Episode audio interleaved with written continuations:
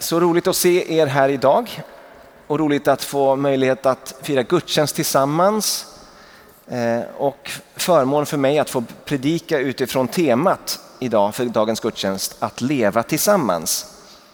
Det ligger mig varmt om hjärtat. För er som inte känner mig så heter jag Niklas Eklöv. Jag har varit engagerad här i kyrkan sedan 1997, det är länge sedan, eh, tillsammans med min familj och haft olika uppdrag och eh, ja, varit engagerad på många sätt. Men nu ska vi fokusera på ordet.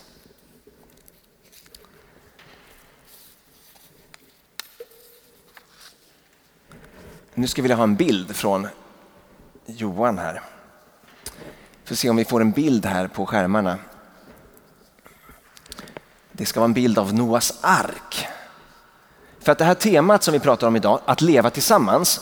Jag fick en, eh, en, blev påmind av ett citat som en person har sagt där man liknade Noah, Noas ark med, eh, med kyrkan, att leva tillsammans i kyrkan. Nu får ni, oj, här, här kom bilden. Eh, då, det vill jag fråga er så här. Vad, finns det något samband, någon likhet mellan Noas ark, livet i Noas ark och livet i kyrkan? Någon som har något förslag? De liknar oss till utseende. Tack Martin. Några fler förslag? Det är trångt. Inte just i coronatider är det trångt, men annars brukar det vara trångt här va? Vi är olika. Olika former, sorter, storlekar. Ja. Det hör jag inte riktigt, men de är på väg framåt. Ja. En annan aspekt är, de har suttit i den där arken i ett år och tio dagar. Det är ganska trångt, svettigt, kanske luktar illa. Ibland stinker kyrkan också. Har ni tänkt på det? det är, allt är inte bra med kyrkan alltid. Men själva poängen här är att utan den här båten så drunknar de. Så utan kyrkan, utan gemenskapen så drunknar vi. Det är lite ett, det är lite ett tema för min, ett, en rubrik för min gudstjänst. Om ni vill liksom koppla ihop en rubrik för den här predikan så utan kyrkan så drunknar vi. Men som sagt, den är inte perfekt. Och det kommer vi tillbaka till. Okej, tillbaka till evangelietexten. Texten började så här. När Jesus hade avslutat sina liknelser lämnade han trakten. Han kom till sin hemstad och där undervisade han i synagogan. Och den trakt han hade varit i var eh, vid Galileiska sjön. Och han hade haft en massa undervisning i kapitel 13 här om Guds rike. Men han pratade i berättelser, han pratade i liknelser. Och lärjungarna, de man läser det här i texten innan att de är väldigt förvirrade. De säger, varför Jesus, varför pratar du i liknelser hela tiden? Kan du inte prata klarspråk så folk förstår? Men då berättar Jesus att syftet med de här liknelserna var att människor skulle ställa frågor till sig själva, ransaka sig. Och bara de som hade öppna hjärtan skulle faktiskt kunna se och förstå det, det som Jesus ville säga. För Jesus pekade på, lite som eh, Nils pratade om i början här, att vi människor har ett grundproblem att vi vill ofta förstocka oss, vill stänga igen våra hjärtan för Gud. Och det hade människorna gjort. Och därför förstod de inte och det gjorde heller inte att de blev, kunde bli botade.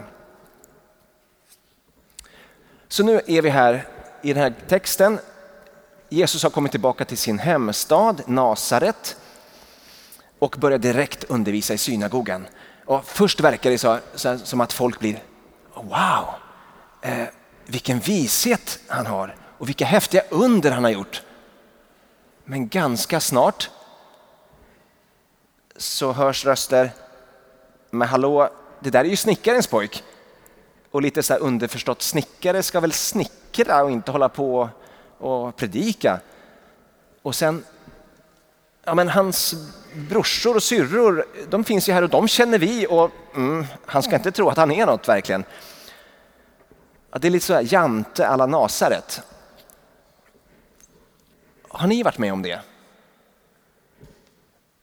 Ja, ni vet sådär, jaha, är du Urban Annikas pojk? Eller, jaha, är du från Bosnien? Eller, ska du som tjej tro att du klarar av det här? Lilla gumman. Eller, wow, är, är du VD på Volvo? Alla de här sakerna som människor bemöter oss med när de hör vilken bakgrund vi har eller vilken familj vi kommer ifrån eller vilket land vi kommer ifrån. Och vi människor älskar ju att sätta in folk i, i färdiga fack och mallar och utifrån det bedöma dem. Och det är så självklart så påverkas vi av vår uppväxt, vår kultur och våra sammanhang. Jag menar, vi är en komplex mix av både arv och miljö. Det är ju en del av oss, vi kan inte komma ifrån det. Men poängen med Jesu undervisning i evangelierna är att när vi tar emot hans ord, när vi tar emot honom själv, då får vi en ny identitet. Vi blir födda på nytt in i en ny familj, i en ny gemenskap. Och den här nya identiteten, den liksom sätts över. Den blir viktigare än alla andra identiteter som vi har. I Matteus, hela det här Matteus eh, kapitel 12 och kapitel 13 är intressant för att i kapitel 12, eh, som är en annan text i, från en tidigare årgång, då, kommer, då, då pratar Jesus om det här också. För att då kommer hans mamma Maria och hans syskon och de vill prata med honom. Vill, han, Jesus håller på och predikar och undervisar. Och, och då säger någon, ah, men de, de är här, din mamma och, och dina syskon är här. Men Jesus han säger, pekar på lärjungarna och människorna runt omkring. Det här är min mor och mina bröder och systrar. Och den som gör min fad, himmelske faders vilja, det är min bror och min syster och mor. Han på något sätt pekar tillbaka på den här identiteten som går över blodsbanden. Nu var Jesus där i synagogan i Nasaret. Folket som lyssnade, de hade ju faktiskt en färdig bild av vem Jesus var.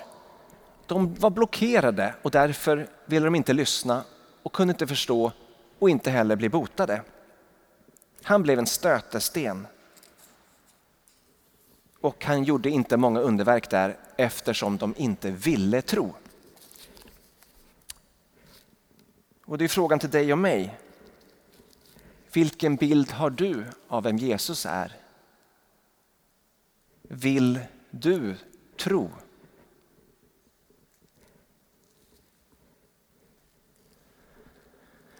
En person som fick en ny bild av Jesus var Paulus. Johan, nu ska vi visa två texter här. Efter sitt dramatiska möte med Jesus hade Paulus fått ett helt nytt förhållande till Gud. Han beskriver det väldigt starkt i Efesierbrevet 1 och 5. I kärlek har Gud förbestämt oss till barnaskap hos honom genom Jesus Kristus. Och det grekiska ordet här för barnaskap det är samma ord som används för adoption. Att adopteras in och få samma rättigheter som biologiska barn. Och i Romarbrevet, ett annat brev, så skriver eh, Paulus i kapitel 8, vers 15.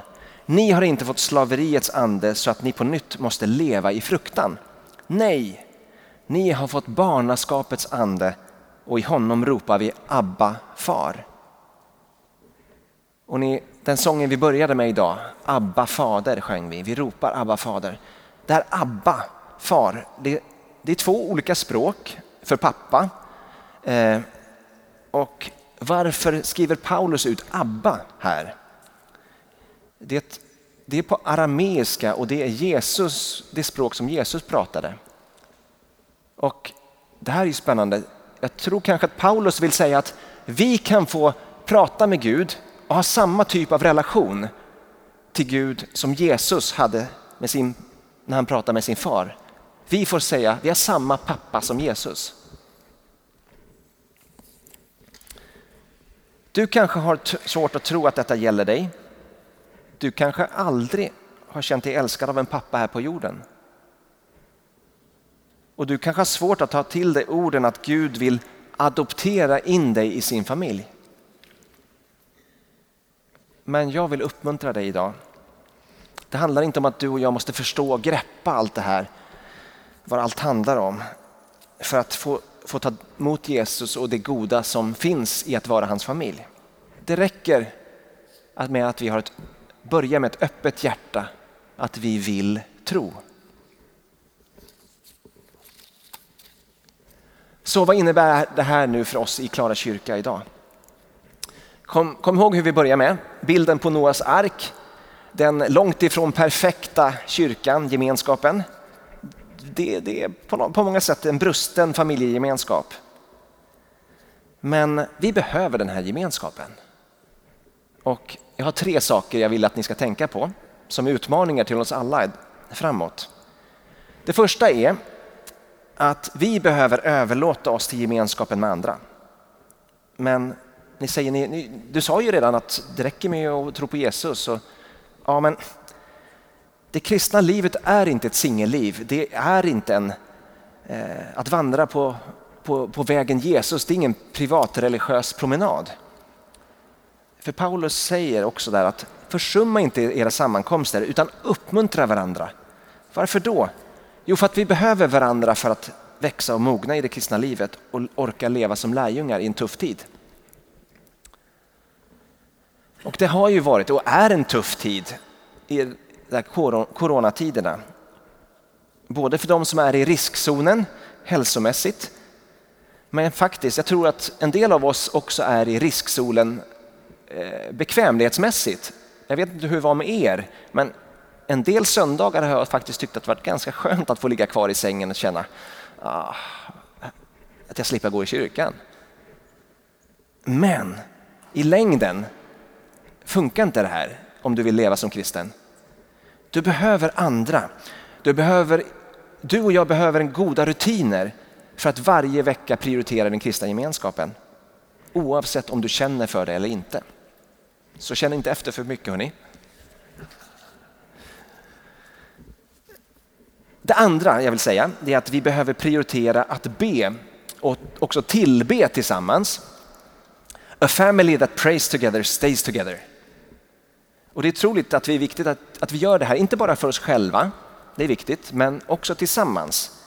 För att då manifesterar vi att vi hör ihop tillsammans med andra systrar och bröder och vi tillsammans kan liksom vända oss och prata pappa Gud, Abba far. Och så kom till de regelbundna bönerna här i Klara kyrka, men be också tillsammans med andra hemma hos er. Träffa andra och be och tillbe tillsammans. Det tredje, det är det här med den här liksom, eh, Noas ark igen. Vi behöver jobba på våra relationer. Det var nog säkert en del splittringar och spänningar bland människor och djur där i arken, tror ni inte det? Det blir i familjer ofta, ganska ofta spänningar och konflikter. Ibland till och med splittring och maktmissbruk. Och kyrkan är tyvärr inte befriad från, från sådana här saker, att människor sårar varandra face it, kyrkan stinker ibland.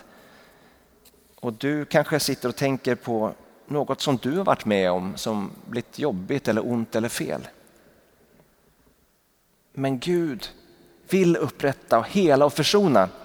Och grunden än en gång är Guds kärlek för oss människor och det som Jesus har gjort på korset. Och på den grunden kan vi sedan bearbeta de sår som vi har och vi kan också ta ansvar för det som vi orsakat eller orsakar andra.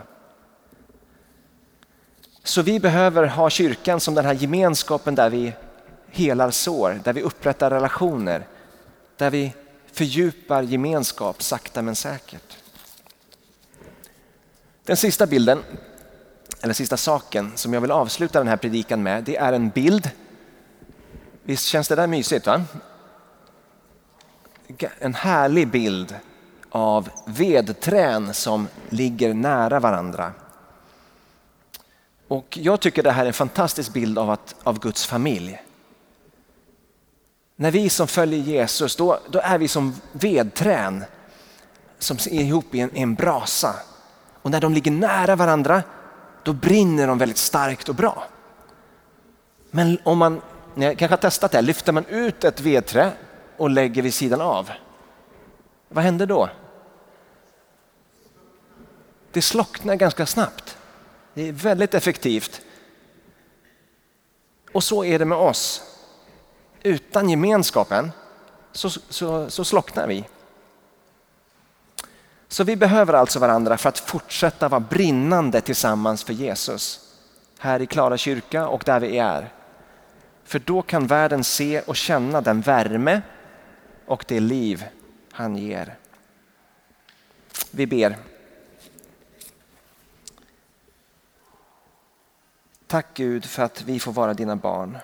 Att vi får ropa pappa, Abba, far. Tack Jesus för att du befriar oss från rädsla och ensamhet och vill ge oss liv i gemenskap, liv i överflöd. Hjälp oss heliga Ande att leva äkta och kärleksfullt tillsammans i din stora familj. Även när det känns tufft. Amen.